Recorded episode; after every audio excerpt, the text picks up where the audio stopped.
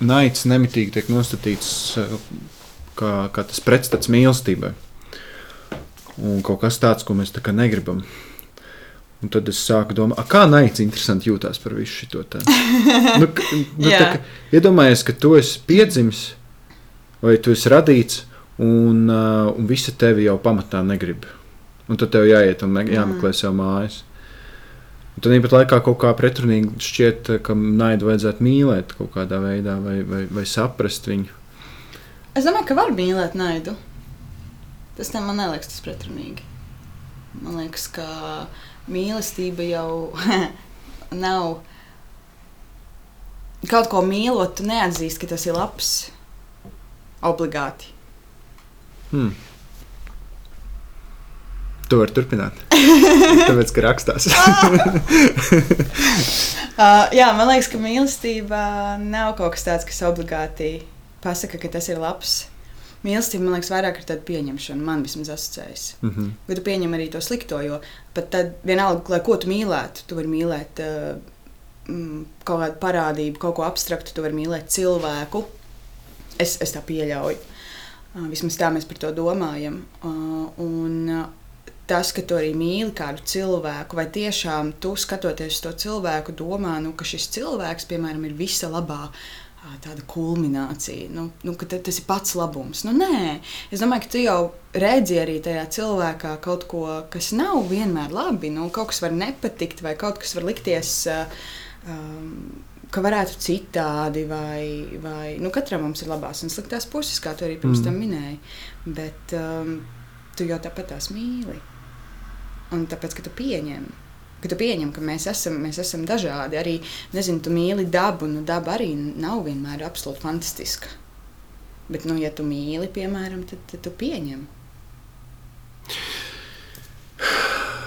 Man šis, šis te jautājums um, visu laiku karsēs smadzenes. Ik reiz, kad es nonāku tajā laukā, kad par to ir jādomā, par to tumšo pusi un par to naidu un par to, ka mēs gr- gribam tomēr, lai viss ir jauki un forši.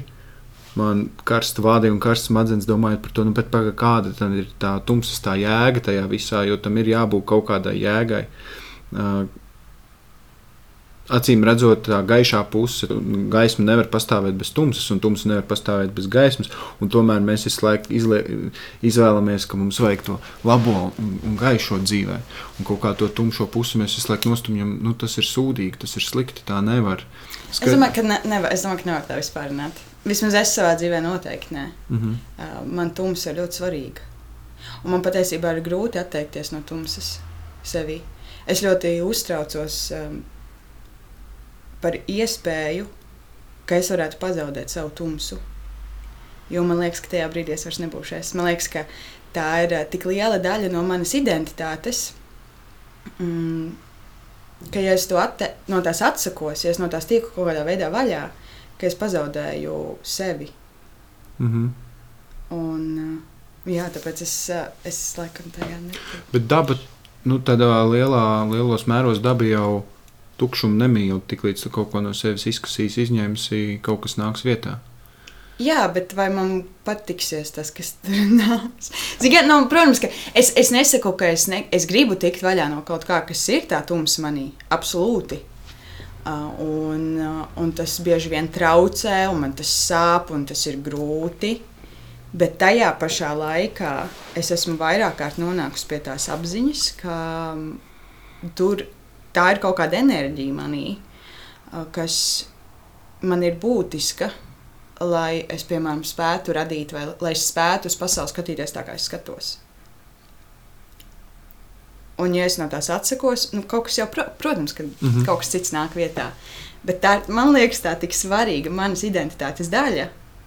Bet tas varbūt es nezinu, tāpēc, ka man liekas, ka man, man ir identitātes krīze. bet, bet Klau, varbūt tev ir. Uh, Tu par to tā forši stāsti, to, ka tu to esi pieņēmusi un cik tas tev tomēr ir vajadzīgs. Um, bet varbūt tev vienkārši ir ļoti paveicies ar to savu tumsu. mm, Kas ir tavs gaišs, ja, ja var prasīt, ka, un tu, ja tu vēlēsies stāstīt, kas ir tava gaišākā tumsas puse?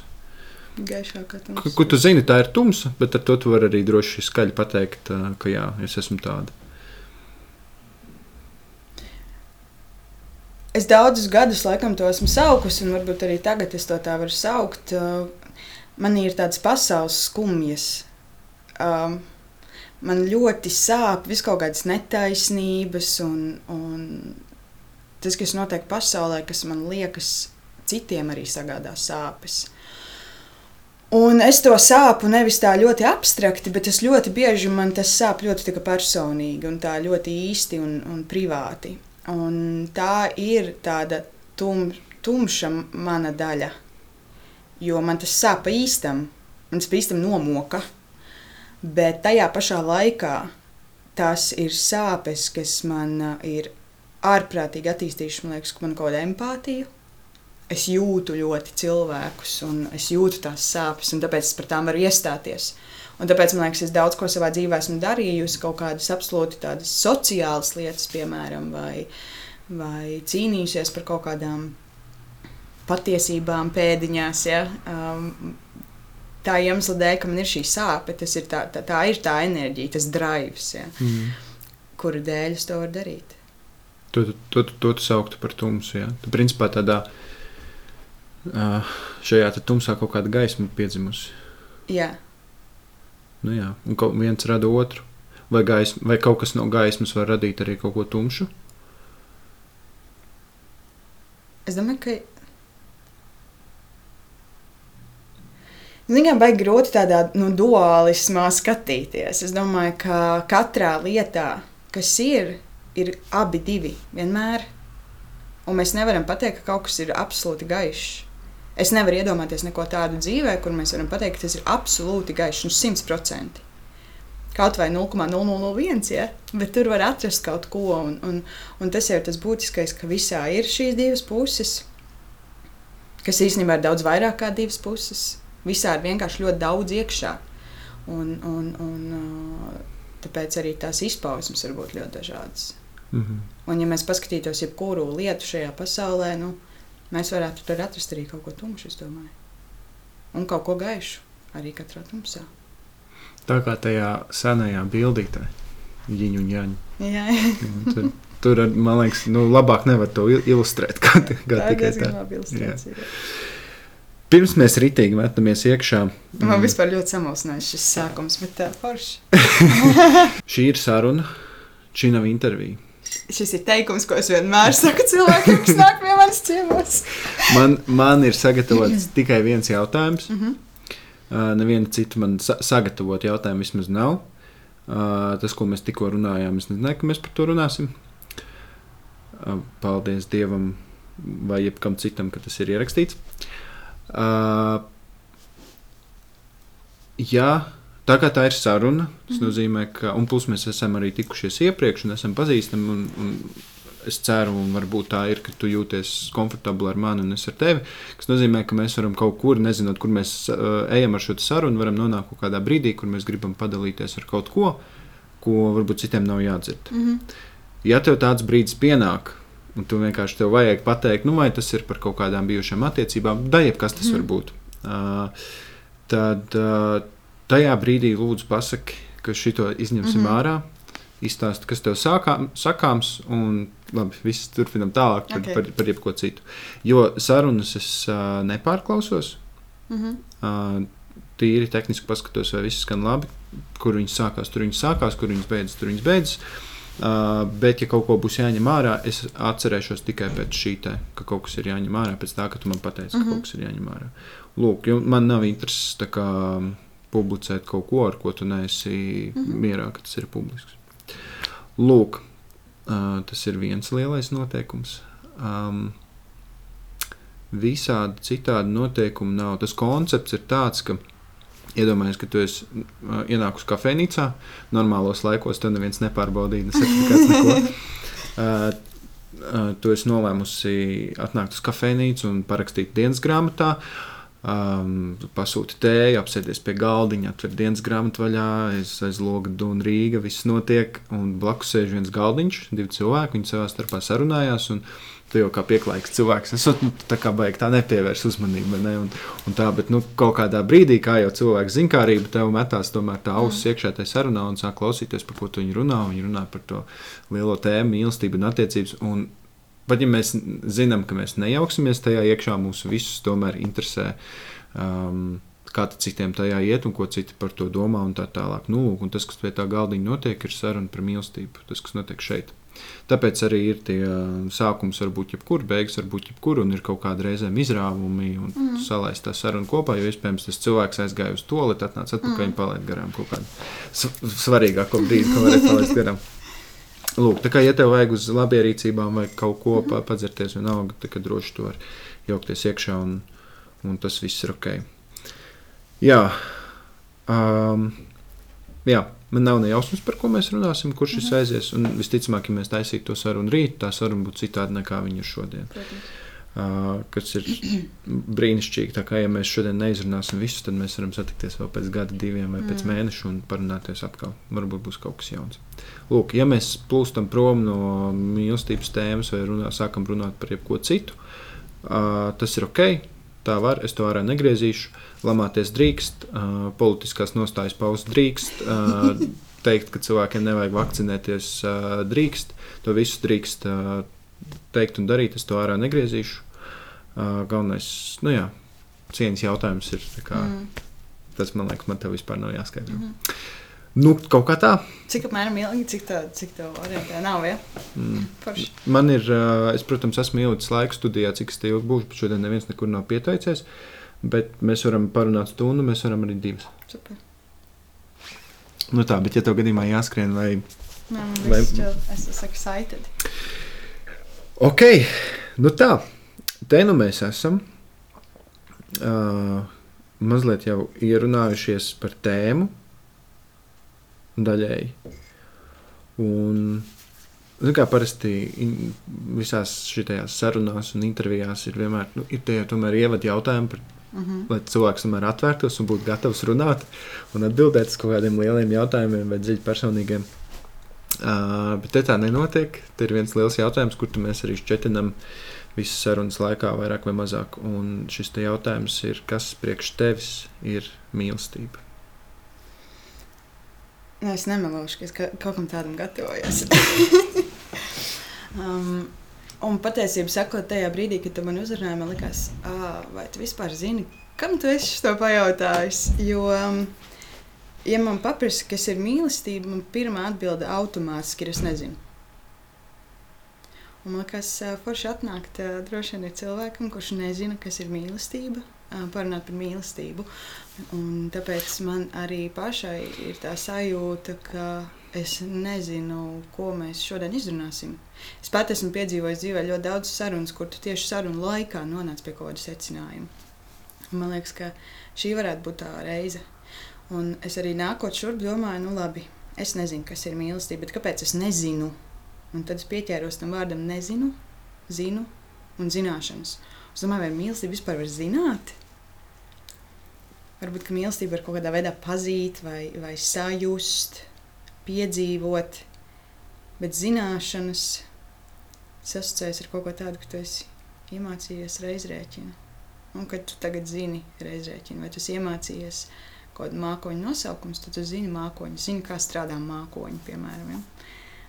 Tā, vai tā var iemācīties mīlestību un zināt mīlestību, ka tu esi izzinājis, kas tas ir. Laikam, ka es teiktu, ka nē. Jā, un, un kas priekš manis ir mīlestība? Nezināmais.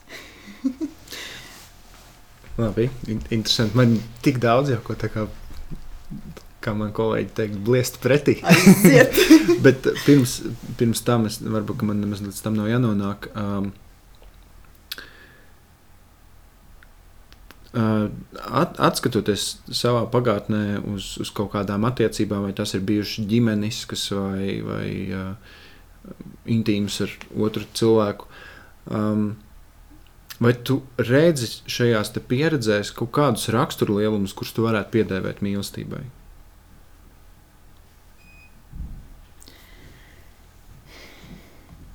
Sakot, tik, sakot arī pat laikā, kad tu nezini, kas mm, tas ir. Mm -hmm. nu, noteikti, jā. Uh, Es esmu tāds cilvēks, kuram ir ārprātīgi bail kaut ko stingri likt kaut kādās nu, kategorijās. Mm. Man ir bail pateikt kaut ko, ka tas tā ir, un tad cilvēki noklausīsies, un, vai dzirdēs, izlasīs vienalga, un domās, Elīna domā, ka ir šādi un tādi.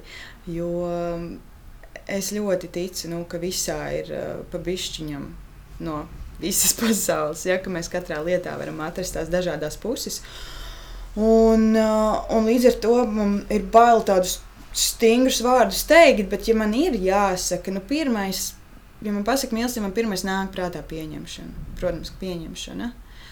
Uh, pieņemt uh, cilvēku, ja mēs runājam par tādu cilvēku mīlestību, tādu, kāds viņš ir, um, tiešām ar, um, ar tiem plusiem un mīnusiem. Un tas var būt uh, reizēm arī nu, pilnīgs svešinieks. Nu, tai nav jābūt tādai kvēlai mīlestībai uzreiz, bet man liekas, ka arī tad, ja tu pieņem pilnīgi svešinieku, tad tā arī ir kaut kāda sava veida mīlestība, pieņemšana. Nu, izklausās, ka tu kaut ko tomēr zini. es nezinu, vai es zinu. Tas, tas, tas mans viedoklītis, domiņas, man, sajūtas. man ir viedoklītis par tēmu. jo, um, es, kā, kā man šķiet un kā, kā es jūtu, tā ir tiešām liela tēma un teikt, uh, ka ka es zinu, kas ir mīlestība, diez vai kāds no mums var to pateikt. Tā par Vai visu, guru par, par visu lielo tēmu. Varbūt kāds guru. Jā. Jo tas tiešām ir kaut kas liels, bet arī teikt, ka nezināt, kas ir mīlestība, ar man šķiet, ir uh, aplams, gan skarbi. Bet, um, redz, jau tev pajautājot, vai tu kaut kur redzi kaut kādu raksturu lielumu savā pieredzē, kas varētu saistīties ar mīlestību, tu jau vienu vari nosaukt. Un droši vien, ja tu rakņātos vēl, tajā tu protams, varētu vēl saukt. Protams, nu, zin, kā man liekas, nu, ir reizēm grūti arī runāt par mīlestību, un kāpēc cilvēki man varētu teikt, ka viņi nezina, kas ir mīlestība. Man liekas, tas ir tāpēc, ka mēs daudzreiz arī esam vīlušies kaut kādā veidā tajā mīlestībā. Mm -hmm. mēs, esam, mēs tiekam sāpināti, un tad ir kaut kāda tā ideja par mīlestību, un tad tā tā pieredze par mīlestību, mm -hmm. un nav viens pret viens. Ja? Tur jā, ir kaut kas, jā. kaut kas, kas atšķirās, un, un tad var būt sāpes vai vilšanās vai kādi pārdzīvojumi. Un tad liekas, ka nu, sāpīta, bet sāpīta, vai tad mīlestība ir sāpīta? Bet nu, ir jau, un tad arī vai, vai tu vari mīlēt mīlestību, ja? ka tu pieņem arī to, ka mīlestība, kā šis abstraktais lielums, nevis konkrēts cilvēks vai kaut kas mm. tamlīdzīgs, ka arī mīlestība var būt ar tām sāpītēm. Un, un ka tu pieņem, ka arī tā tā nepareizā reizēm vai kaut kāda citāda, nu, nepareizā arī, protams, pēc kādiem ideāliem, um, ka tā arī ir mīlestība. Un es īstenībā nācu man pa ceļam, es tieši domāju par to zināšanu, nezināšanu. Es ieliku savā Instagramā mazo aptaujiņu, tieši šo arī pajautājot par to, vai tu zini, kas ir mīlestība. Diemžēl to izdarīju pārāk vēlu, tikai pirms 56 minūtēm, bet šo 56 minūšu laikā 62% ir pateikuši, jā, zinu, un 38% ne, nezinu. Kas ir uh, interesanti. Es neesmu viena, acīm redzot, kurai ir tā sajūta iekšā, ka, ka es īsti nezinu. Vai tāpēc, ka tas ir kaut kas tik milzīgs, kas stāv tev pretī? Iespējams, jā. Un man liekas, ka viens ir milzīgs, un otrs nu, ir tik dažādas idejas par to. Nu, mm. Mīlestība, kur nav mīlestības tēma? Mm. Viss, man liekas, no mūsu dzīves diezgan daudz kur vada mīlestība. Pat tad, ja tā ir mīlestība pret kaut kādu darīšanu, piemēram, vai mīlestība, es nezinu, drausmīgi, pat es mīlu zinātni un es nododos vienkārši visu dzīvi zinātnē. Vai es mīlu sevi, un tāpēc es daru tās lietas, kas man patīk, es nezinu, vai kas tev patīk. Nu, vienalga. Sav, sevis mīlestība vispār ir vēl viens, man liekas, mega temats kas ir tik ļoti aktuāls. Un tas, ka tur ir tik daudz tās dažādas mīlestības un tik daudz tās dažādas idejas, un mēs dzīvojam pasaulē, kur visu laiku par to runā. Un, un par to dzied dziesmas, ja, un, un, un glazno glaznas un vispārējo, ka loģiski ir apmaldīties tajā arī vai apjukt. Mm -hmm. Nu, jā, tāpēc nu, mēģināt skaidrot, uh, kas, kas ir mīlestība, mēģināt izzināt šo milzīgo, milzīgo apjomu. Skaidrs, ka tas uh, vienam cilvēkam paskatoties uz to visu un, un jau sākot ieraudzīt, cik ir daudz to mīlestības šķautņu, Un cik dziļas vēl ir tās šķautnes, par kurām, kurām ir runa. Skaidrs, ka nolaižās rokas un ah, pofīgi es neko nezinu. Jo e, es esmu dziļi pārliecināts, ka mēs, um, ka mēs visi zinām, kas ir mīlestība kaut kādā mērā. Varbūt mēs nezinām, kā noraksturot to, bet, bet mēs, mēs zinām, jo mēs visu laiku to dzīvē kaut kur pieredzam. Un nav runa tikai par, par ģimenes attiecībām vai par attiecībām, bet arī tas, ko tu saki par to nodošanos kaut kādai profesijai un kaut kādai jomai, kas reizēm liekas, nu kā tu vari mīlēt zinātni. Um, bet tas ir tāpat kā jautāt, nu, kā tu vari mīlēt šo cilvēku. Mm. Jo es viņu nemīlu, ka kā tu viņu vari, tā nevar būt. un, uh, tur, tur sākās šīs pretrunas un sākās šie jautājumi, kas tad īsti ir mīlestība. Un, uh, un vai, Un vēl sākās šis jautājums par to, kas Amerikā ir ļoti populārs, par to, cik daudz viņi saka, ka viņi kaut ko mīl. Un kā tu ar to mīlestības vārdu var tā mētāties? Es, es tā neesmu to pieņēmis, un tu redzi, cik tas viss ir milzīgs. Un kāds čakars to visu ir uh, aptvert, un uh, vēl ir popkultūra, kas uzliek kaut kādus savus rāmīšus tam, kas tas ir un kā tam jābūt. Un tas, ko tu saki, ka, uh, ka mēs, mums ir kaut kāds priekšstats par to, kādai jābūt mīlestībai, un tad mēs viņai viļamies. Un tad mums liekas, nu, ka mīlestība vispār neeksistē, iespējams, mm. vai, vai mīlestība ir sāpīga un kam to vajag vispār un tam līdzīgi. Un ir šie mums ir tas kultūras, kultūras fons, kas mums visu laiku spiež kaut kādas rāmjus virsū. Un, un skaidrs, ka jo vairāk iedziļinies tajā, jo vairāk saproti, ka mīlestībai ir arī sava tā smagā un tumšā puse. Par kur mēs runājam sarunas sākumā, ka katram ir, un lai kā mums negribētos pieņemt to, lai cik absurdi tas liktos, bet arī mīlestībai tāda ir. Un, uh, Un, un, un mēs, protams, čīkstam par to. Un tajā brīdī, kad mēs čīkstam par to, mēs pat nezinām, ka mēs runājam un čīkstam par mīlestību, par to, kāda viņa ir. Mīlestībai tā dziļi pie kājas ir, ka mēs nesaprotam uh, šo viņas pusi, jo viņa ir tik milzīga, viņa, viņa vienkārši ir. Jā, man liekas, ka ta, tas ir tas, ko tu arī saki, ka principā, kāpēc es arī izvairos no tā vārda zināt, Um, tāpēc, ka nu, mēs nevaram tagad paņemt īsti un nu, uzrakstīt, nu, kas ir mīlestības definīcija, nu, kas tas tāds. Nu, mēs, nevaram, mēs nevaram izzināt to tik dziļi. Bet tas, ka mēs visi kaut kādā mērā to pieredzam vai sajūtam, nu, ka mums katram ir šis priekšstats, un beigu beigās, kas tad ir tā mīlestība, ja ne mūsu priekšstati kaut kādā veidā un tās idejas. Jo nu, mīlestība nav krēsls, kuru tu vari norādīt un pateikt, nu, šī ir mīlestība. Mēs veidojam mīlestību, mēs veidojam arī, nu, piemēram, tu pie Amerikas piemēru, viņu izpratne par mīlestību jau, es domāju, tajā pašā valodā, ja, ir pilnīgi citāda, un līdz mm. ar mhm. to viņi par to domā arī pilnīgi citādi. Mums tas mūsu kultūrā ir arī kaut kas pilnīgi cits, un tāpēc runāt par kaut kādu nu, tādu vienu kaut kādu gabaliņu no tā ir absurdi, bet censties aptvert to, ka mīlestība principā būtu katra pasaules iedzīvotāja, iepriekš dzīvojušā un vēl šobrīd dzīvojošo uh, kaut kādu ideju summa. Mm -hmm. To aptvert ir ārprātīgi grūti, bet man liekas, ka tas tā ir. Ja kaut kas ir mīlestība, tad tas ir tas. Vai mēs varam aprakstīt visus tos priekšstats, salikt kopā kaut kādā definīcijā, vai vienalga, ka viņi? Es domāju, ka nē, nevaram. Uh, Uh, bet, uh, bet tas ir tādā nu, galībās, protams, runājot. Mm. Tas, ka mēs varam censties izzināt, mums, kā arī ir mainījušies priekšstati par to, kas ir mīlestība. Arī tad, ja mēs runājam par kaut kādu romantisku mīlestību, ja kādreiz mīlestība bija kaut kas nu, citādi, cilvēki to izprata. Iespējams. Mm. Šodien mēs par to runājam tādā popkultūrā, pilnīgi atkal citādi. Un, un tas ir normāli, ka tas mainās, un, un tas ir arī tā jāpieņem. Un ir jāpieņem, ka viens mīlestību var saprast kā puķītis un, un, un nezinu, vienalga ko, un tikai un vienīgi. Un kāds cits var atkal pēc savas dzīves tieši tā varbūt ir nācies ļoti daudz vilties mīlestībā, un tad kādam tā mīlestība iespējams asociēs patiesībā ar daudz vairāk tumšo nekā ar gaišo. Un tas ir ok. Un, un, un beigu beigās tā lielā mīlestība ir visi šie cilvēciņi kopā, kas ir kaut ko jutuši. Mm -hmm. Jo man Kaspars Breidaks prasīja pirms, neatceros jau pirms cik gadiem, uh, mūsu sarunā, nu, kāpēc es šo daru. Un man tajā brīdī bija tāda naiva, uh, naiva cerība, un šobrīd jau man ir tāda, man joprojām ir cerība, bet nu jau vairs ne naiva, ka likt to lielo puzli kopā. Mm.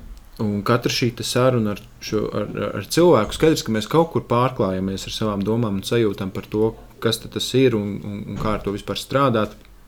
Bet katra šī saruna uh, liek kopā to, to, to puzli par to, kas ir šī visa lielā, lielā tēma mīlestība. Un skaidrs, ka uh, šobrīd šajā sekundē ir miljoniem cilvēku uz pasaules, ar kuriem es vēl neesmu runājis, un viņiem katram arī būs kaut kāds savs priekšstats par to, un vēl kaut kādas kultūras fons, kas viņiem liks kaut kā savādāk uztvert to vai savādāk just to šo, šo lielo spēku un šo enerģiju, abstraktu, tik bieži abstrakto jēdzienu.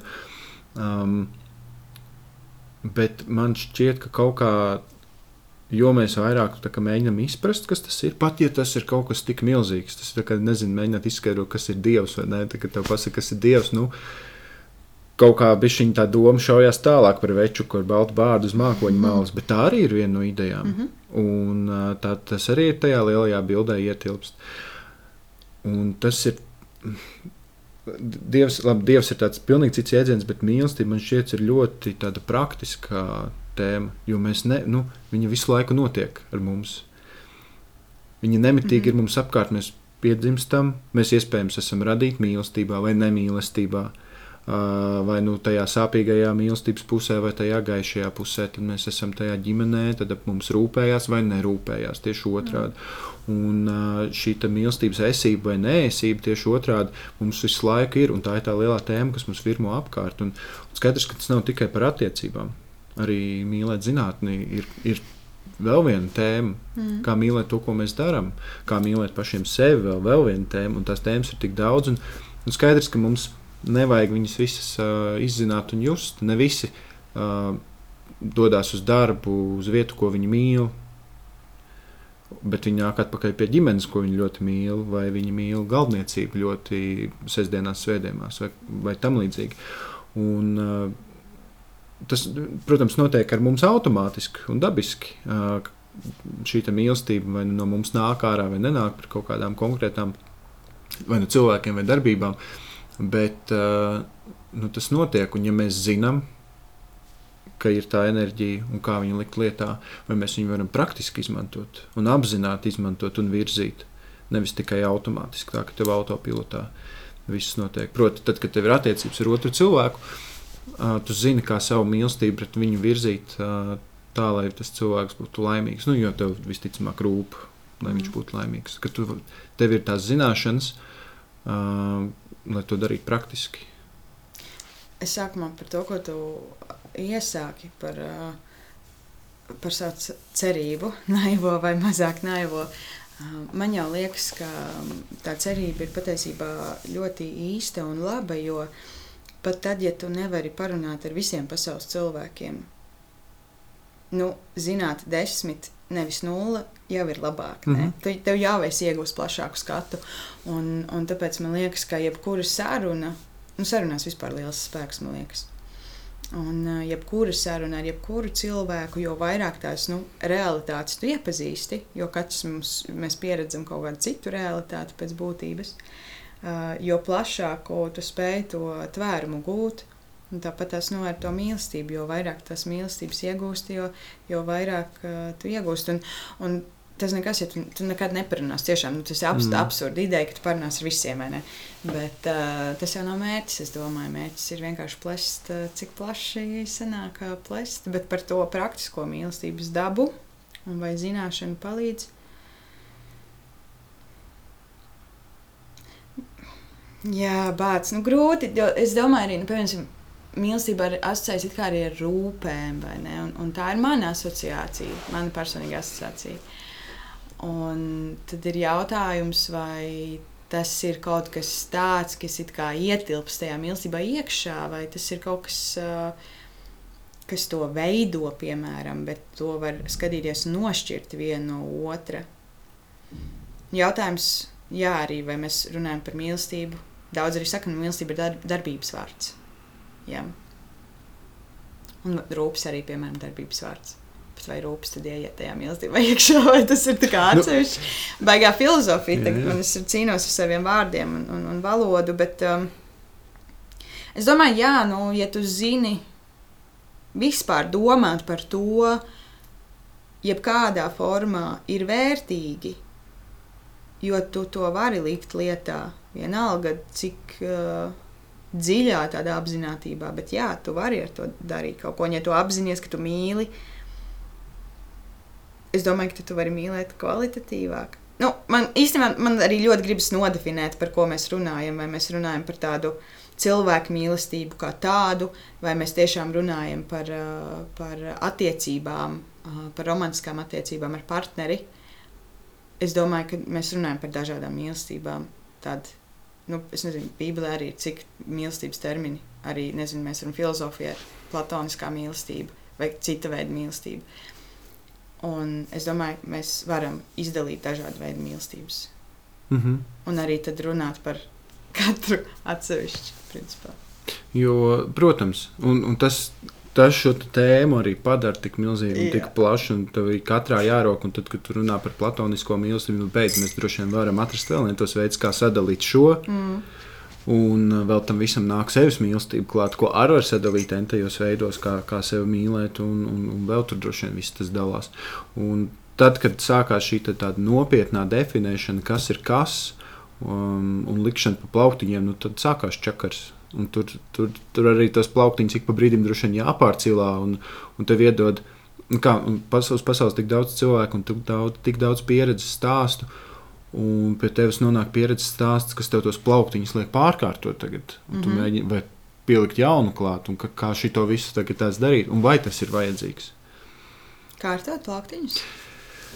Es šo visu darot, es daudz domāju par to, kāpēc šis ir vajadzīgs un ko es vispār daru. Jo tas, ko es daru, tas, protams, man ir šī kaut kāda naivā cerība, um, bet um, tāpat laikā es nemitīgi uzdot jautājumus, un afigam. Mm.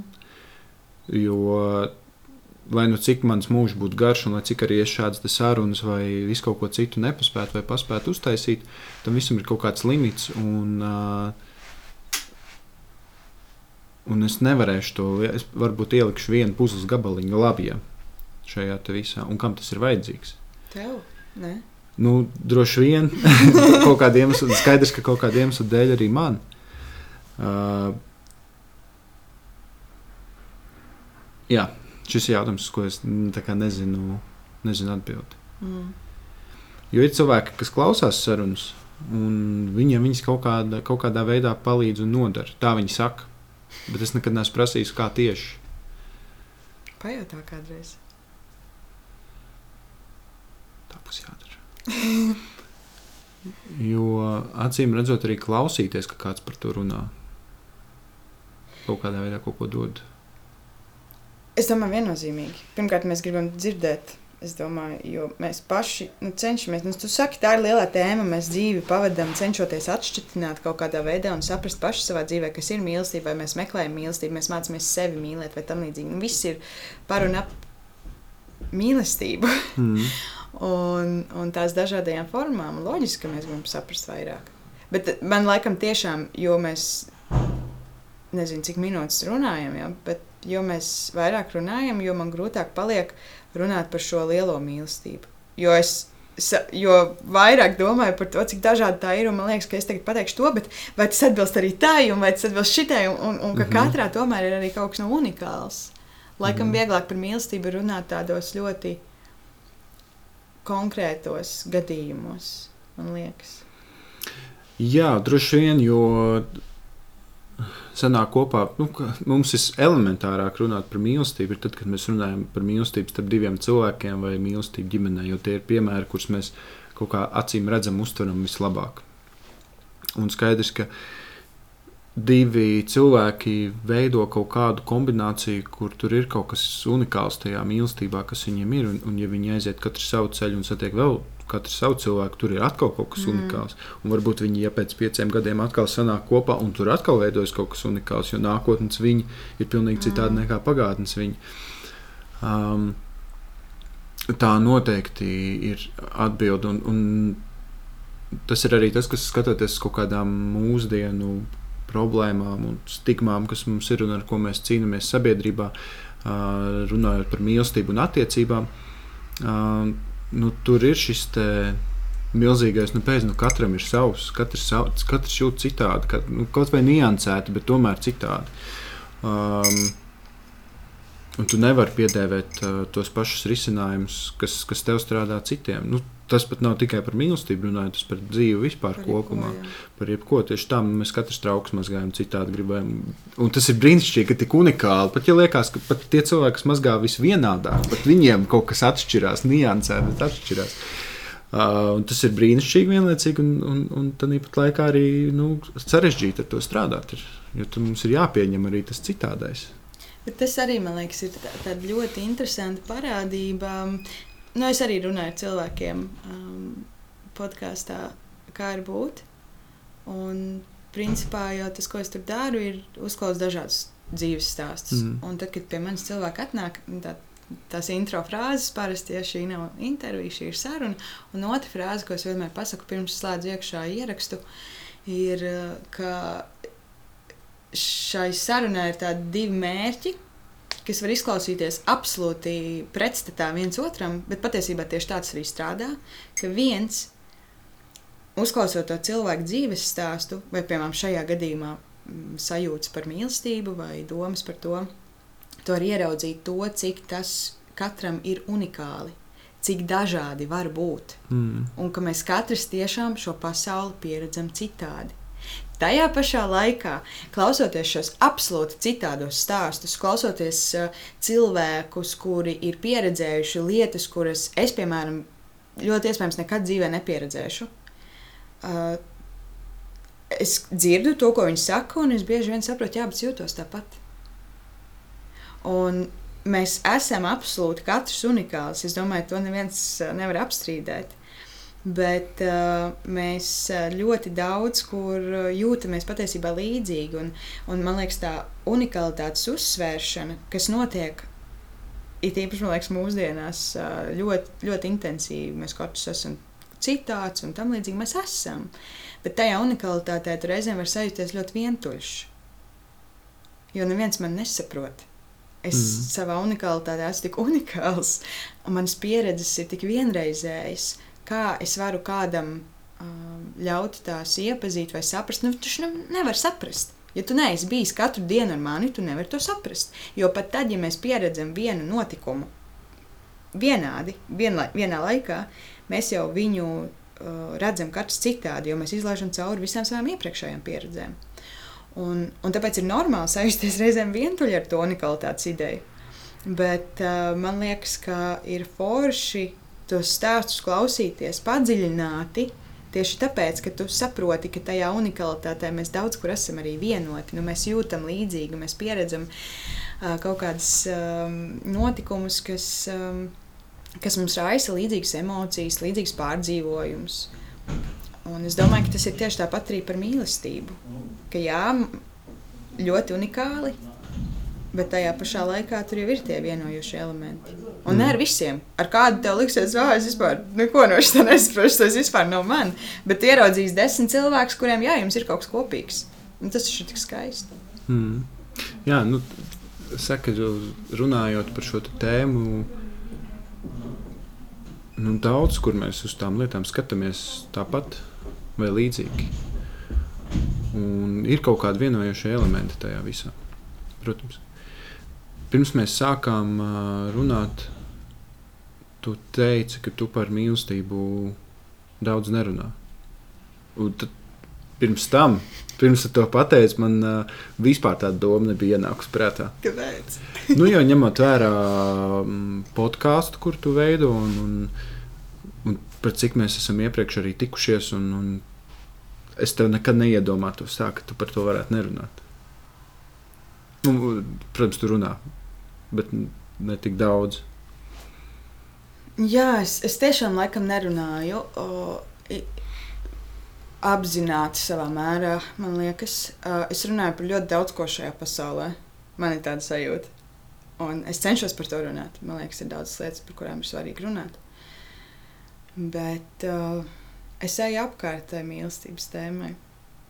Un es to arī kaut kā. Tā ir liela, nu, tā ir liela lieta. Ak, šausmas, cik baili kļū, nu, nekļūdīties. Es nezinu, baili pateikt arī, ka nu, tagad tādai jābūt mīlestībai. Es nezinu, varbūt es negribu būt daļa no tā, kas veido kaut kādus priekšstatus. Zinām, kā mēs veidojam to, stā, nu, to kopīgo stāstu par mīlestību, jo tas, tas, tas kulminē nu, ja no visiem Mhm. stāstiem, kas ir stāstīti, un mēs veidojam šos narratīvus.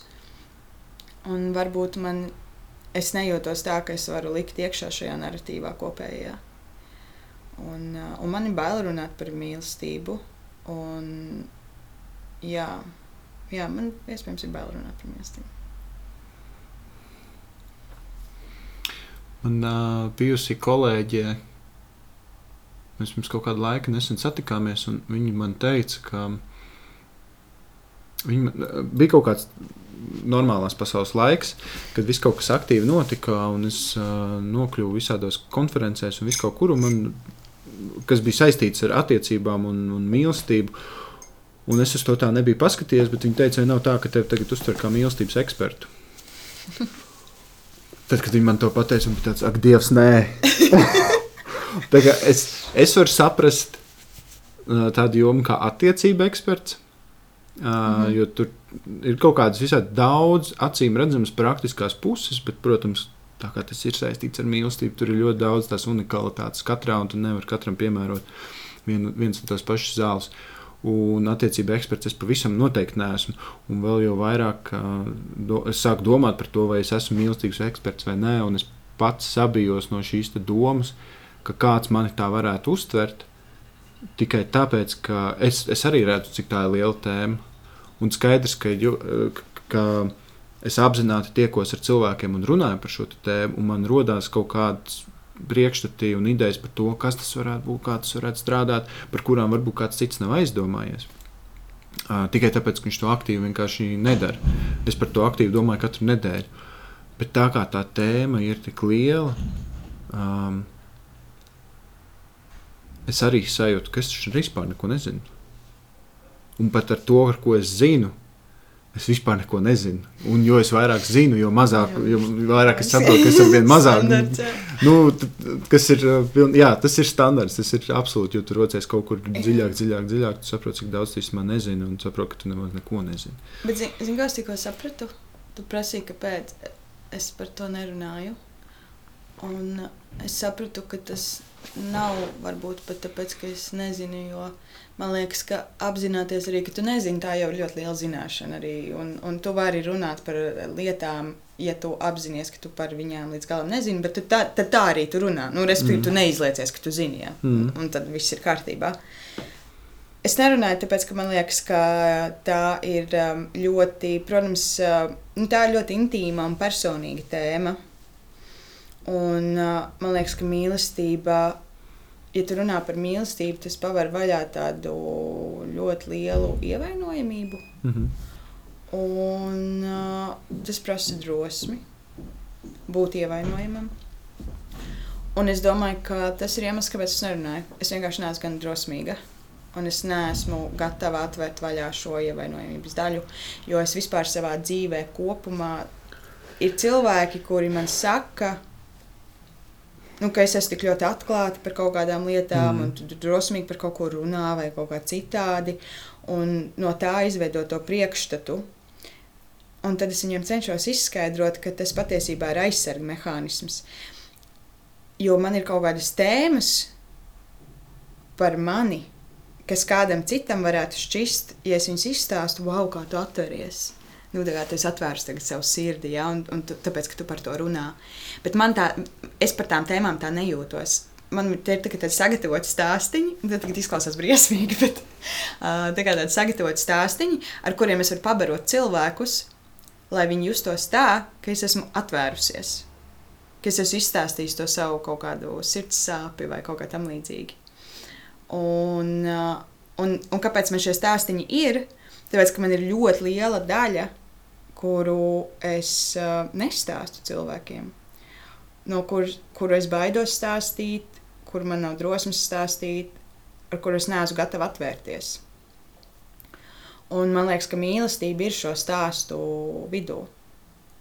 Un tāpēc ir tā, ka es runāju par kaut kādām lietām, un tev arī var likties, ka loģiski, ka viņi Mm. runā par to un to un to, bet viņi var runāt arī par mīlestību. Mm. Bet ir ļoti liels tas uh, aizbērgi, ja tā apakša, uh, kur es ļoti cītīgi slēpju. Un, uh, un slēpju bieži vien apzināti arī.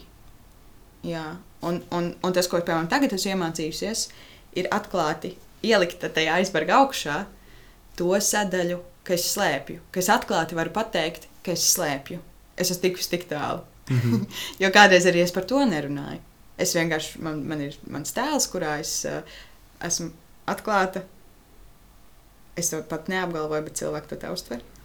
Bet tagad uh, es esmu tajā vietā, kur es saku, jā, es esmu atklāta ar šīm lietām, bet ir ļoti daudz lietas, ar kurām es neesmu spējīga būt atklāta līdz galam, kuras man ir bail teikt, vai man ir kauns teikt, vai kaut kā tam līdzīga. Kas tev ir veidojis šo, te, šo te sajūtu? Ka tu, ne, tieši par šo, ka tu nevēlas tieši par šo runāt. Tieši par mīlestību. Jā.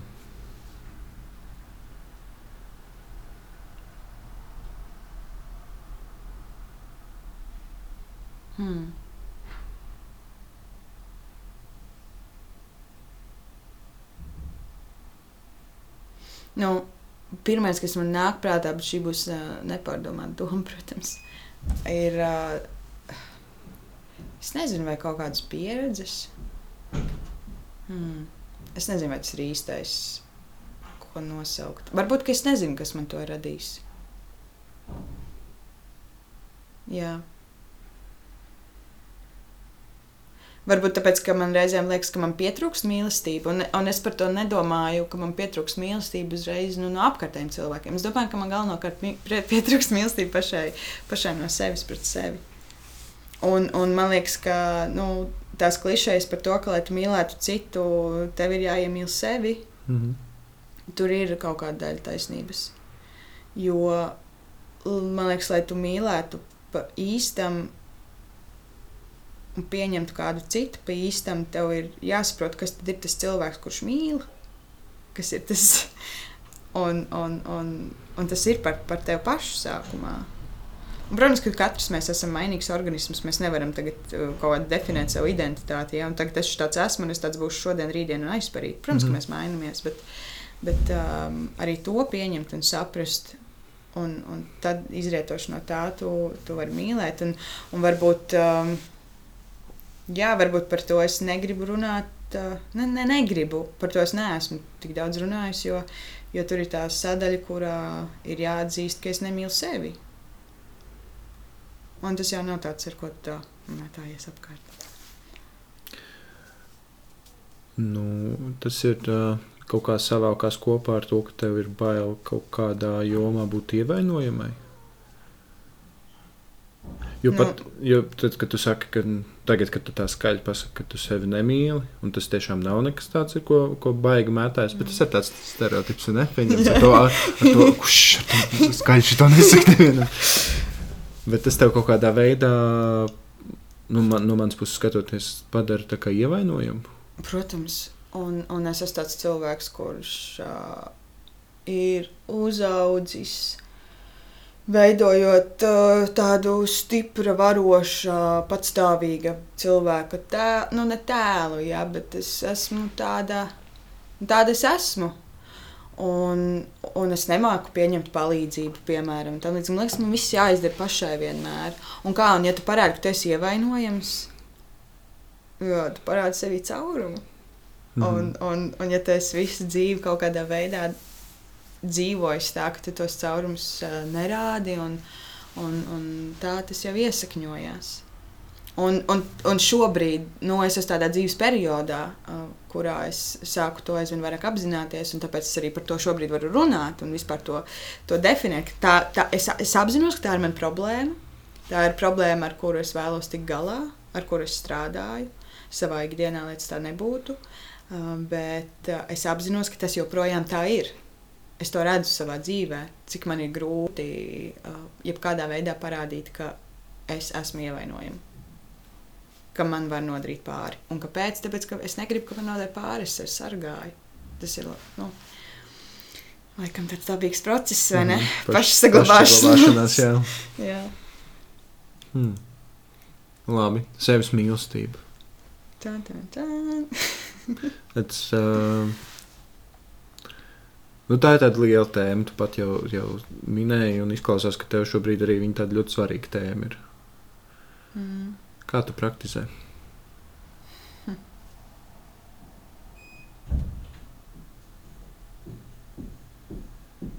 Zini, kā es arī par sevis mīlestību mēs varam droši vien domāt uh, kā par. Uh, Kā par kaut kādām tādām, nu, tu saki, prasa, kā es praktizēju.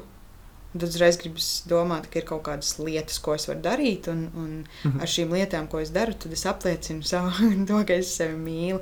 Man liekas, tas ir tāds prāta stāvoklis. Uh, nē, ja, arī tas arī ir tā, ka nu, praksē tu vari darīt kaut kādas lietas, kuras tu sev apliecini, ka tu sev Mm. mm. mīli. Jā, tu vari, ko, ko nu kurš katrs uh, dara, bet ar to praksi, kā tu to praktizē, es domāju, kā tu nonāci līdz tam prāta stāvoklim.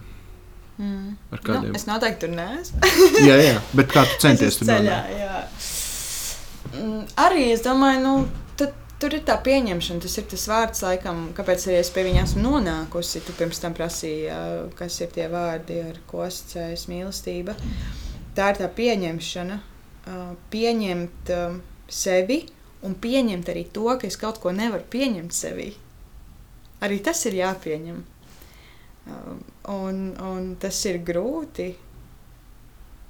Un ļaut arī sev būt, un tas jau iz, izriet no tās pieņemšanas. Un man reizēm liekas, tad, kad es to stāstu, man liekas, bācelīna, tas tāda klišeja. bet, uh, bet bāc, nu kāpēc klišejas eksistē?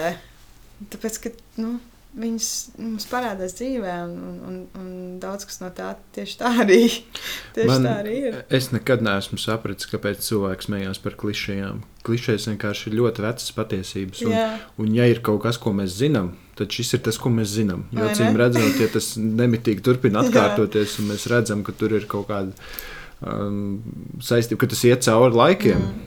Mm. No, no vilka beigas ir lācim ķetnās ieskries, vai ne? Absolūti klišeji. Mm. Es ne- nezinu, kā tas strādā, nezinu, kāpēc joprojām, pat tad, kad mēs Jā. no lāčiem, ne, bet no vilkiem vairs nebēgam. Ļoti. Un, man liekas, un, un tur ir tas, tas pats stāsts par to prāta stāvokļa sasniegšanu, kurā tu sevi mīli. Es domāju, jā, tā, tā ir pieņemšana, pašā pamatā pieņemšana. Jā, tagad sāk atkārtoties, ja man reizēm tas ir svarīgi, ka es sev skaļi domājot, atgādinu mm -hmm. lietas. Kas tev neļauj sev mīlēt? Mm. Kaut kādi, es domāju,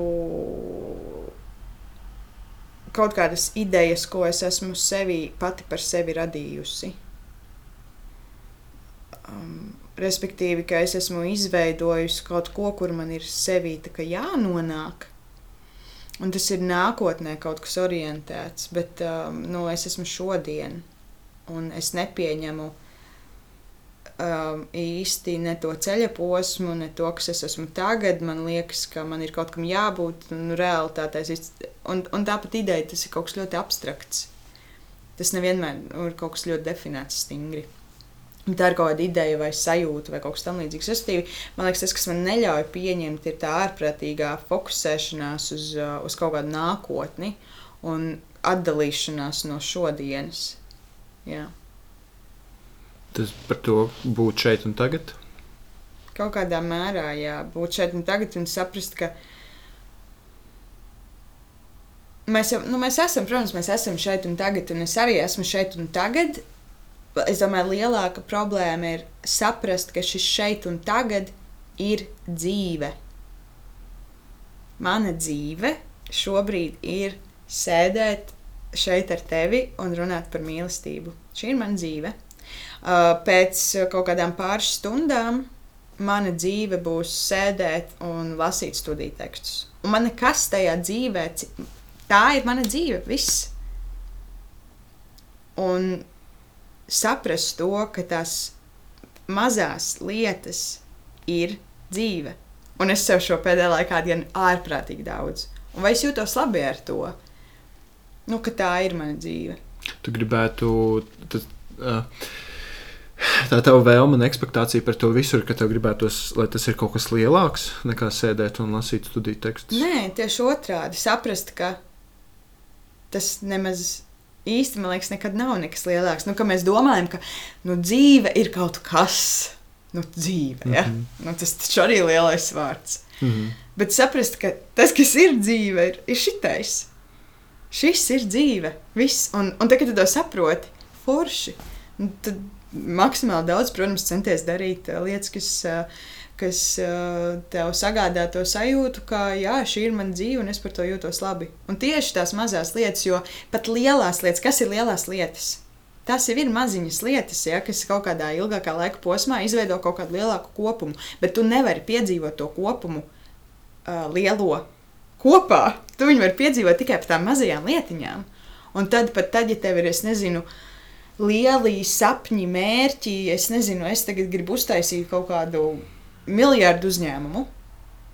Un mana, vai mana dzīve būs uh, šis, šī miljardu uzņēmuma uztaisīšana? Nē, mana dzīve iespējams būs uh, 16 stundu darba diena, kurā es vienkārši sēžu non-stopā pie datora un, un, un zūmoju ar cilvēkiem, nu, piemēram.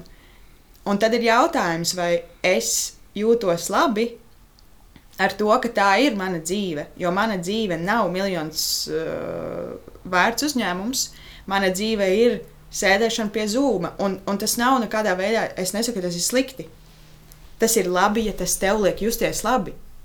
Bet, ja tu domā par to, ka es jutīšos labi ar savu miljonu uz, uh, dolāru uzņēmumu, um, un tu domā, ka par to jutīsies labi, bet nejūties labi tajā brīdī. Un, protams, mums ir labās, sliktās dienas, un par to neiet runa. Bet, uh, ja tev tā ideja par to brīdi neliek justies labi, tad man liekas, ka ir jāsaprot, ka tā ideja par to abstrakto dzīvi kaut kur nu, viņa nav, nu, viņa, nu, viņa nav reāla. Tu nevari vienkārši piedzīvot uh, trīs gadus vienā sekundē. Tas nav iespējams. Kaut ko sakautrējās pēkšņi. es vienkārši domāju, ko es te pateicu. Nē, bet, es, nē, bet jā, es tā domāju. Jā. Mm -hmm. Kaut kā nemitīgi viss, par ko mēs. No, viss, tas, es, es visu laiku ļoti vispārinu. Tā, mm. Man liekas, ka mēs vispār vispārinām tikai tāpēc, ka tā ir vienkāršāk. Jo, jo skaidrs, ka viss ir padziļinātāk mm. un nopietnāk. Uh, Kaut kā visu laiku mēs atgriežamies pie kaut kādām tādām senām gudrībām. Būt, būt šeit un tagad, un, un ko tas patiešām nozīmē būt šeit un tagad. Jo skaidrs, ka mēs es, esam šeit un tagad, mm. bet uh, vai mēs izjūtam un esam mierā ar to, kur mēs šeit un tagad esam, un uh, vai mēs kā mēs to apzināmies vispār, ka mēs tagad tiešām šeit esam. Es pat domāju, ka tas, jā, tas viens ir, kā mēs to izjūtam, bet vai mēs saprotam tas, to, ka tas šeit un tagad ir viss, kas arī ir. Jā.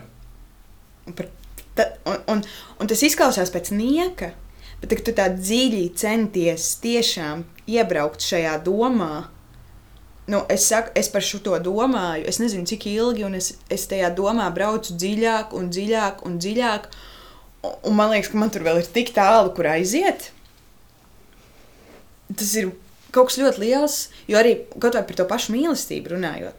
Kas ir mīlestība vai mīlestība? Nu, ja mēs runājam par to pieredzes prizmu arī, vai tad mīlestība ir, nu, tagad tā ideja, es nezinu, par, piemēram, par šīm attiecībām, ja mēs runājam par, par partnerattiecībām, vai tā mīlestība ir tā ideja kaut kāda, kaut kur, un tas ir tas, ko tu jūti. Nu, nē, nu, tā mīlestība jau ir, nu, tā, tas šobrīd, tas stāvoklis šeit un tagad ar to cilvēku iespējams. Un, un tad ir jautājums, vai tu jūti piemēram, šeit un tagad to mīlestību. Un tas ir tas, ko tu tur mīli tajā mīlestībā.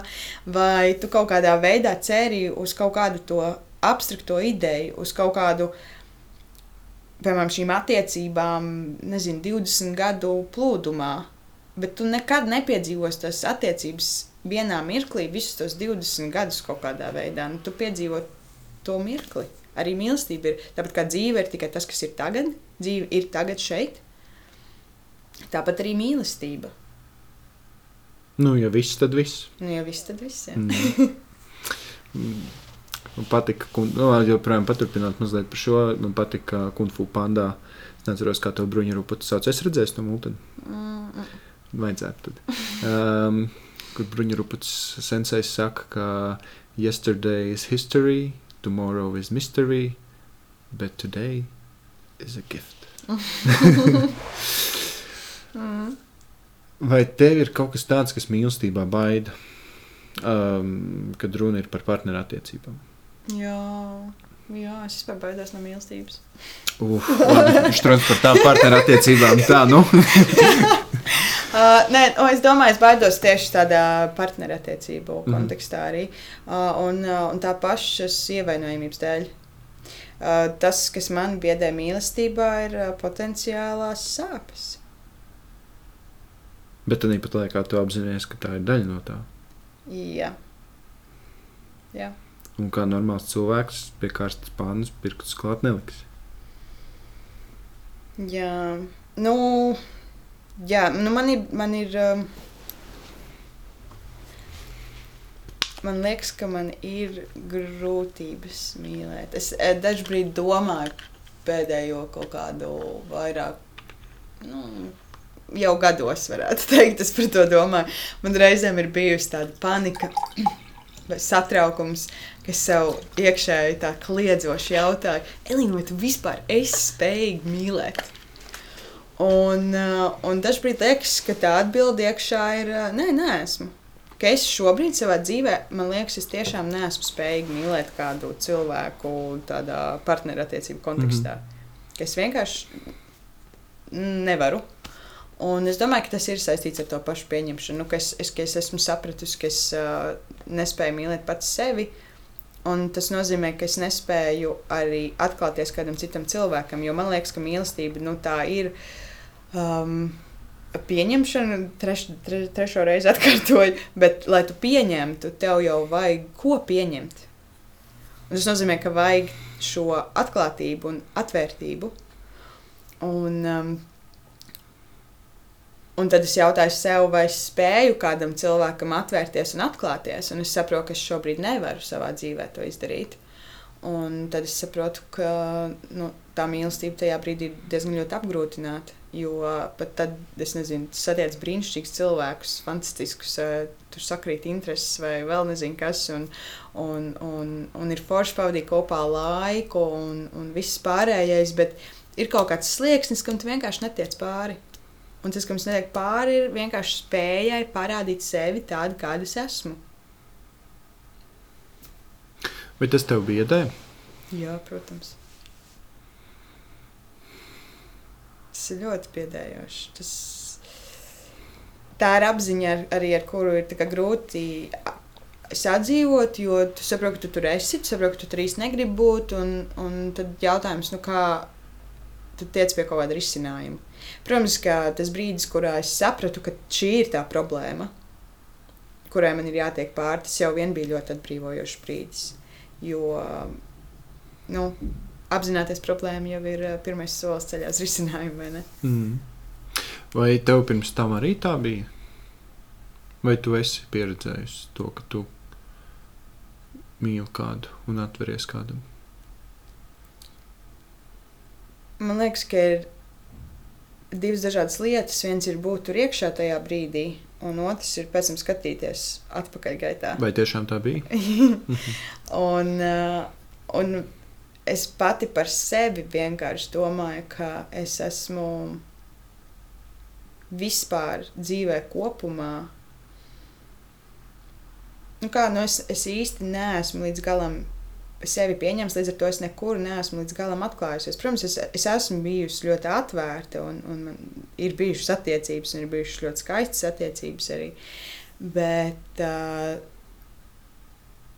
nu, tās visas ir kaut kur beigušās, un es dažkārt domāju, kāpēc. Es domāju, ka tur ir bijis tas pats šķērslis, kurus vienkārši tajā brīdī neesmu apzinājusies līdz galam. Un man gribētos teikt, ka es esmu mīlējusi. Nu, man liekas, nu, jā, es, es esmu mīlējusi, es domāju, vismaz kaut kādā tajā izpratnē, kāda man ir bijusi tajā laikā par to. Bet, uh, jā, tādā izpratnē, kāda man ir bijusi tajā laikā par to. Nu jā, gadi nāk, un standarti mainās. nu jā, nu, pats sevi arī vairāk iepazīstot un atskatoties uz to. Jo tā jau ir, nu, rozā brīlis arī ir kaut kas tāds, ka droši vien uh, kliš, pamatot klišai bieži vien, vai, un, un arī attiecībā pašam pret sevi. Vai kaut ko tamlīdzīgu. Es nezinu. Arī, es arī domāju, ka tas ir normāli, ka mēs, mēs, kā, mēs katrs mainamies. Es kā cilvēks arī esmu ļoti mainījusies. Un, un tas ir normāli, ka no mums arī nāk ārā dažādas mīlestības, tāpēc ka tie jau ir dažādi cilvēki, ja, mm. kuri mīl. Tad mēs pirms tam par to arī runājām. Mm. Tā, tā ir. Un tas ir. Uh nu, tas, ko mēs, es nezinu, vai tas paliek ierakstā vai nē, bet nu, tā mūsu saruna rītdien par šo tēmu būtu citādi. Jā, jā, jā. Tieši tā. Varbūt par milimetru citādi, bet joprojām citādi. Jā.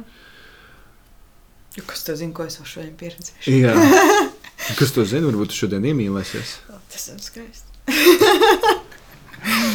um, rozā brīļu periods un iemīlēšanās.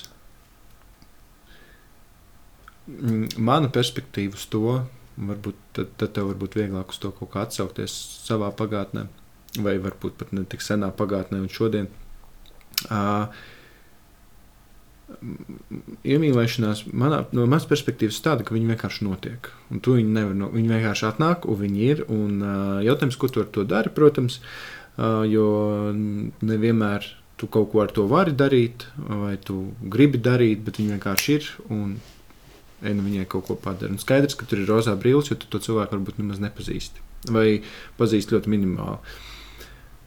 Uh, vai tu, ņemot vērā, ka tev ir viss šis te, nezinu, kas tas varētu būt, burbulis apkārt, kurš tev nesprākst, kamēr tu neesi. Mīlestības. Ņemot vērā, ka tev ir mīlestības problēmas, vai tu, vis, vai tu vispār spēj iemīlēties? Nu, es saku, man liekas, ka šobrīd nē. Tas nozīmē, ka tu kaut kādā, kaut vai nezinu, tuvākā, tālākā pagātnē neesi iemīlējusies nereiz. Neatkarīgi no tā, vai tu kaut ko darīji ar to vai nē. Nu, arī cik konkrēti mēs droši vien par to runājam. Mani interesē, vai tad, kad tu esi šādā burbulī, ka tu ļoti strādā um, ar sevis mīlestību, lai spētu kādam dot mīlestību un spētu atvērties kādai citai mīlestībai. Bet tad, kad tev šis burbulis ir apkārt, vai mīlestībai, kā šai milzīgai enerģijai, ir pofigus to tavu burbuli, vai nē? Ja tu, ja tu viņu nelaidi klāt, kamēr tu neesi tikusi ar sevi galā, vai viņi joprojām spēja tavu burbuli pārspridzināt ar uh, skaistām mirkļa iemīlēšanās epizodēm? Mīļā mīlestība, ja tu šo klausies, ja tu to dzirdi, tad droši drīkst spridzināt to burbuli. Bet uh, nu, man liekas, ka nē, ka nevar. Un, un, un, ja es esmu kaut kam iemīlējusies pēdējo kaut kādu periodu, mm. ja mēs runājam par ilgāku vai garāku, tad uh, es esmu iemīlējusies, man liekas, idejās par kaut ko. Uh, bet es neesmu iemīlējusies tādā konkrētā objektā, uz ko tu vari šo mīlestību vērst. Es, tīvi, es, es esmu iemīlējusies kādās idejās, man ir pārņēmušas kaut kādas idejas, piemēram, mm -hmm. Uh, bet um, es neesmu piedzīvojusi to, ka es, piemēram, sarieku kādu cilvēku, un tas burbulis tā absolūti vienkārši puf. Man ir apzinoties savu problēmu, Um, nav tā, ka es paļaujos tikai uz to, ka man tagad ir jāsagaida ja, tās rozā brilles un tam līdzīgi. Es apzinos arī to, ka mīlestība nevienmēr nāk ar rozā brillēm. Un, uh, un tas nozīmē, ja es, es negaidu tagad vienkārši, ka man būs rozā brilles un, un es uz kādu skatīšos, nah, es esmu iemīlējusies. Um, es varu pavadīt laiku ar cilvēku un censties viņu iepazīt kaut kādā veidā, un tādā veidā varbūt saprast, vai tur ir iespēja audzēt mīlestību. Bet tā, ka man atnāk un ievelš pa galvu, un tā gan es laikam neesmu kādu laiku pieredzējis. Bet jā. ir bijis iepriekš? Jā, jā ir. Audzēt mīlestību partnerattiecībās. Mm -hmm. Nu, tā tāda nopietna dārzniecība, jāsaka. Jā, tā tas Kas ir tie smagā. jā, no, tā, no, no, no, tā perspek no tās perspektīvas, kas ir tie, kas ir tā augsne, kurā audzēt mīlestību? Labvēlīga. Atklātība. Tikai un vienīgi, man liekas. Tas, ka abi cilvēki var, piemēram, pateikt uh, otram, ka. Mm, nu, ka tu vari pateikt, piemēram, man- man rītīgi nepatīk kaut kas tagad, vai es jūtos rītīgi slikti par kaut ko šeit. Un, un, bet ka pamatā ir šī ideja par mīlestību, un ka uh, pamatā ir nevis. Um, mans uh, egoistiskais mērķis, nu, respektīvi, ka es cenšos apmierināt nevis sevi, vai ka es cenšos apmierināt nevis to otru cilvēku, bet ka mēs abi cenšamies apmierināt ideju par mums kaut kādā mērā. Ka mēs darbojamies nevis es, es, bet mēs darbojamies mēs. Un, un pat tad, ja mums ir konflikts, pat tad, ja es jūtos aizvainots, pat tad, ja man tas cilvēks izdarīs pāri, vai es esmu izdarījis pāri, vienalga, ka mēs saprotam, ka šajā um, konfliktā mums ir viens mērķis, ka mums kopā ir jātiek no viņa ārā. Nevis, ka mans mērķis ir pierādīt man taisnību vai, vai kaut ko citu. Ka mums ir kopīgs mērķis, mēs. Un, un man liekas, tā ir tā augsne. Un tur ir jābūt lielai atklātībai, nu, es, un, un pieņemšanai, atklātībai pieņemšanai. Esam nonākuši līdz tiem Mhm. vārdiem, ja ko tu man prasīji sākumā. Ka es spēju atklāti pateikt, un es spēju pieņemt, un tad, man liekas, vēl trešais lielais ir uzticība. Ka es uzticos tam cilvēkam, arī ka es varu uzticēties ar to savu slikto sajūtu, piemēram. Ka es varu pateikt, ka es tā jūtos, un es jūtos aizvainots, un, un, un pateikt to godīgi, nevis uh, uzsākt kaut kādu slepeno izrādīšanu tam, ka es esmu aizvainots, un nevis aiziet un pateikt, hei, man šis nepatika, Mm. bet sākt to kaut kādā veidā izrādīt. um, Nepasakot konkrēti. Jo viena patiesība, pie kā es esmu nonākusi un ko es esmu atkārtojusi attiecībās, kas man ir bijušas iepriekš, ka es varu zināt tikai tik daudz, cik tu man pasaki. Un tāpēc tava atbildība ir man pateikt. Mana atbildība ir pēc tam ar to kaut ko darīt, bet tu nevari gribēt, ka es varu kaut ko risināt, vai kaut kādā veidā palīdzēt, vai kaut ko mainīt sevī, ja tu man nepasaki, ka, man, un, ka tas ir vajadzīgs, vai ka, kā tu jūties. Jo es nevaru nolasīt, mēs nevaram viens otru nolasīt. Un, lai vai cik valoda būtu ierobežojoša, tas iespējams ir labākais instruments, kas mums ir, lai kaut kādā veidā uh, dalītos ar savām sajūtām. Un, jo sa pārējo mēs varam ļoti viegli pārprast, un mēs ļoti bieži pārprotam. Un no tā ir um, iespējams izvairīties. To nav iespējams līdz galam izskaust, protams, bet, uh, bet no tā ir iespējams izvairīties un to samazināt.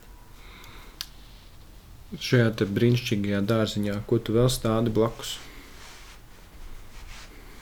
Vaks mīlestībai? Ja, ja, ja tu, uh, vai tev šķiet, ka ar mīlestību pietiek?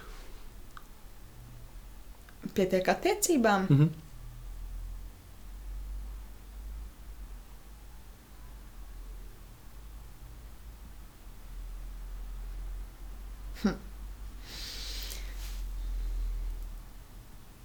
Nu, tas ir laikam arī atkal jautājums par to, ko tā mīlestība līdz galam ietver iekšā. Man gribētos domāt kā, nu, par to milzīgo lielo terminu. Gribētos teikt, ka jā, jo tajā mīlestībā jau viss kaut kas var būt iekšā. Um, un, un mēs bieži sakam, ja, ka dzirdam kaut kur vecajā labajā popkultūrā, ka, nezinu, tev ir jāpratās pēc savs labākais draugs, ja pastāv viena no klišajām, un, un ir cilvēki, kas saka, nē, labāko draugu vajag citu. bet, um, bet, mīl, bet draudzība jau arī ir mīlestība. Līdz ar to gribētos teikt, ka tas ir tas viss ap pamats, un es domāju, ka tur var likt visu kaut ko iekšā vēl. Un iespējams, ka patiesībā augsts, nu, varbūt augsts nav mīlestība, jā, mīlestība ir tā, kas jāaudzē. Varbūt patiesībā otrādi pamats ir mīlestība, un mēs mīlestībā audzējam uzticību un, un pieņemšanu vispārējo jautājums. Kurš, kurš tur kamī patiesībā aug? Jā. Hmm. Tagad, kad mēs esam jau kaut kādu nu, stundu maz, mazliet pāriekšā šajā visā, vai tu, vai tu kā, tev, kā tev joprojām, vai tev jūtas, ka tu joprojām nezini par mīlestību? Vai, vai šobrīd tev sajūta, ka tu zini kaut ko vairāk? Es esmu briesmīgs cilvēks viena iemesla dēļ. Drausmīgi pieksos vārdiem. Un es joprojām teiktu, ka es nezinu. Uh -huh. Tieši par to zināšanu es domāju. Um, bet um, es noteikti esmu paplašinājusi savu vai izpratni, es nezinu, savu priekšstatu par mīlestību, arī dzirdot tavas domas jau vien. Mm. Man šķiet, ka nu, šo, tas ir visp, diezgan vispārīgi. To var attiecināt uz jebkuru tēmu, par ko mēs varam runāt. Uh, jo mēs vairāk par kaut ko runājam, pat tad, ja mēs nezinām, par ko mēs runājam. Uh, mēs kaut ko varam iemācīties gan par sevi, gan klausoties mm -hmm. citos. Loģiski. Protams, ļoti būtiski ir saglabāt šo te, ja tu tiešām nezini, tad tu arī tā, vai nu izvēlēsies tādus vārdus, kas atzīst to, ka tu nezini, vai pirms tu sāc runāt, pasaki, es nezinu par šito, un tad sāc kalt kā faktus, ka tas tā ir. Un vēl beigās pasaki, bet es nezinu, vai tā ir. Um, un uh, man kaut kā, skatoties uz to, ka cilvēki klausās šo te vairāk vai mazāk, bet klausās šīs sarunas, um, man rodas sev, ka mēs par maz runājam par šo tēmu.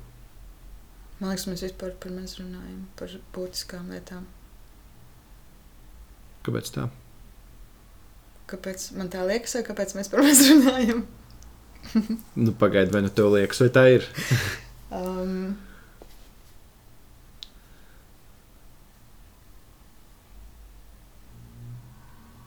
Tāpēc, ka mēs esam ļoti vientuļa sabiedrība. Un man liekas, ka tā vientulība ir kaut kādā mērā sekas tam. Mēs it kā ļoti daudz runājam. Nu, es, piemēram, absolūti dzīvoju informācijas pārbagātībā. Nu, informācija ir vienkārši visur un visu laiku. Bet um, cik daudz no šīs informācijas ir, um, ir tas, kas mums tik ļoti tiešām rūp, cik tas ir tas, nu, tas būtiskais, tas, kas mums kā, kā cilvēkiem, kā cilvēkiem, kuri ir emocionāls būtnes arī, cik daudz tā informācija mums apmierina to, cik daudz mēs atklāti runājam par to, kā mēs jūtamies. Jo šis ir tas tāds, piemēram, es šobrīd esmu diezgan atklāti piemēram, kaut ko stāstījusi un, un dalījusies ar lietām, ar kurām es varbūt ikdienā. Nu, Visur, kur, kur neju, ne, nedalos. Un, un es pieļauju, ka kāds cilvēks klausīsies, un varbūt nu, būs tā sajūta, ka, ka kaut kas ir pazīstams, kaut kas līdzīgs. Un, un tajā brīdī varbūt tā, tā vientulības sajūta uh, mazliet zūd.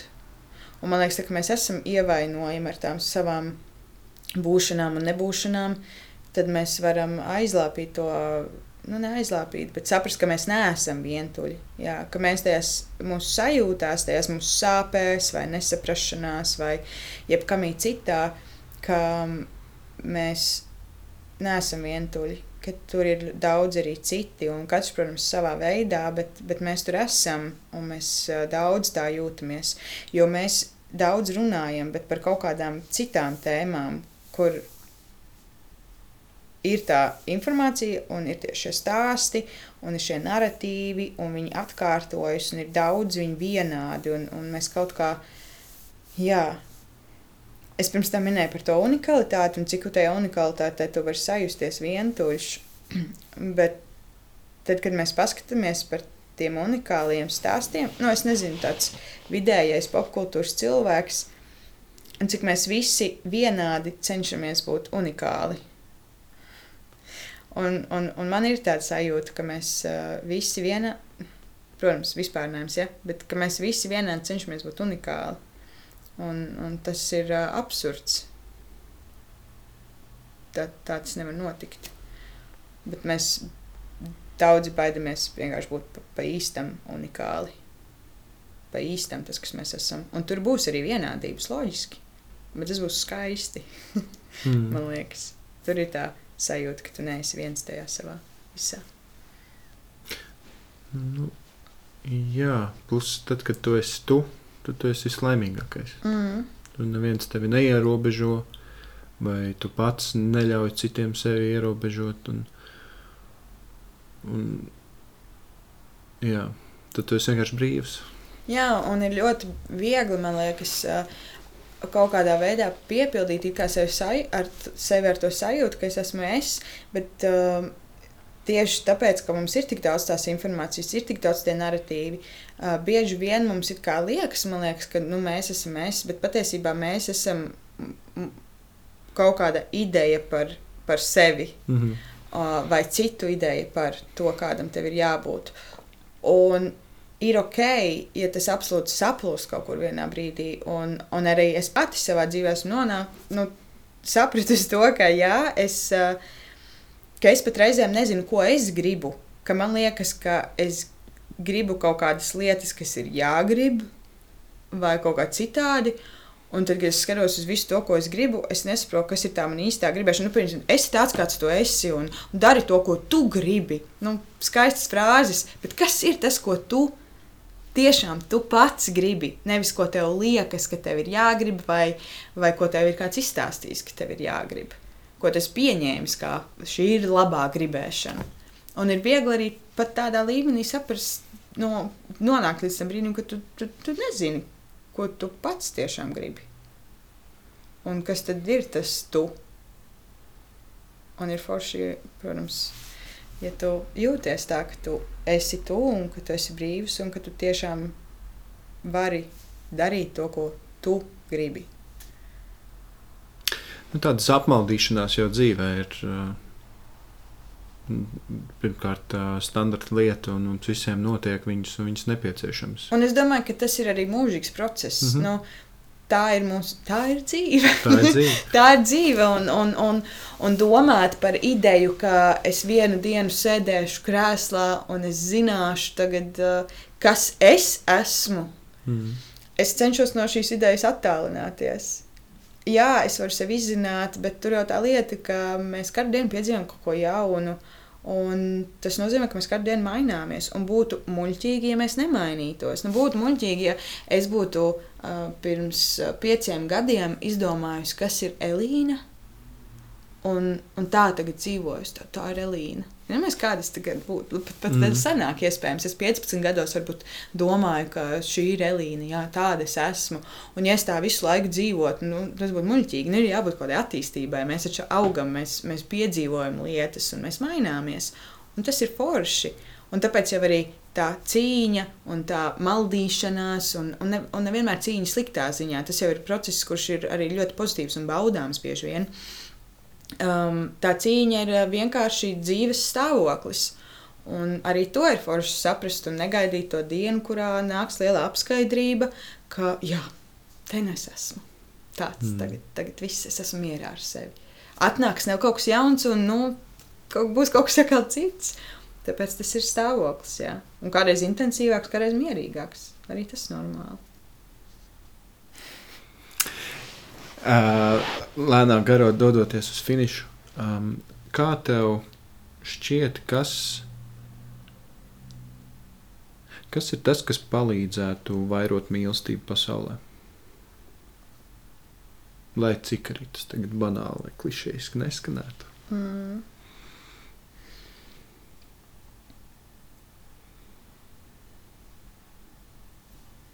Atbildēšu ar to pašu vārdu, pieņemšanu. Bet, lai mēs varētu pieņemt, um,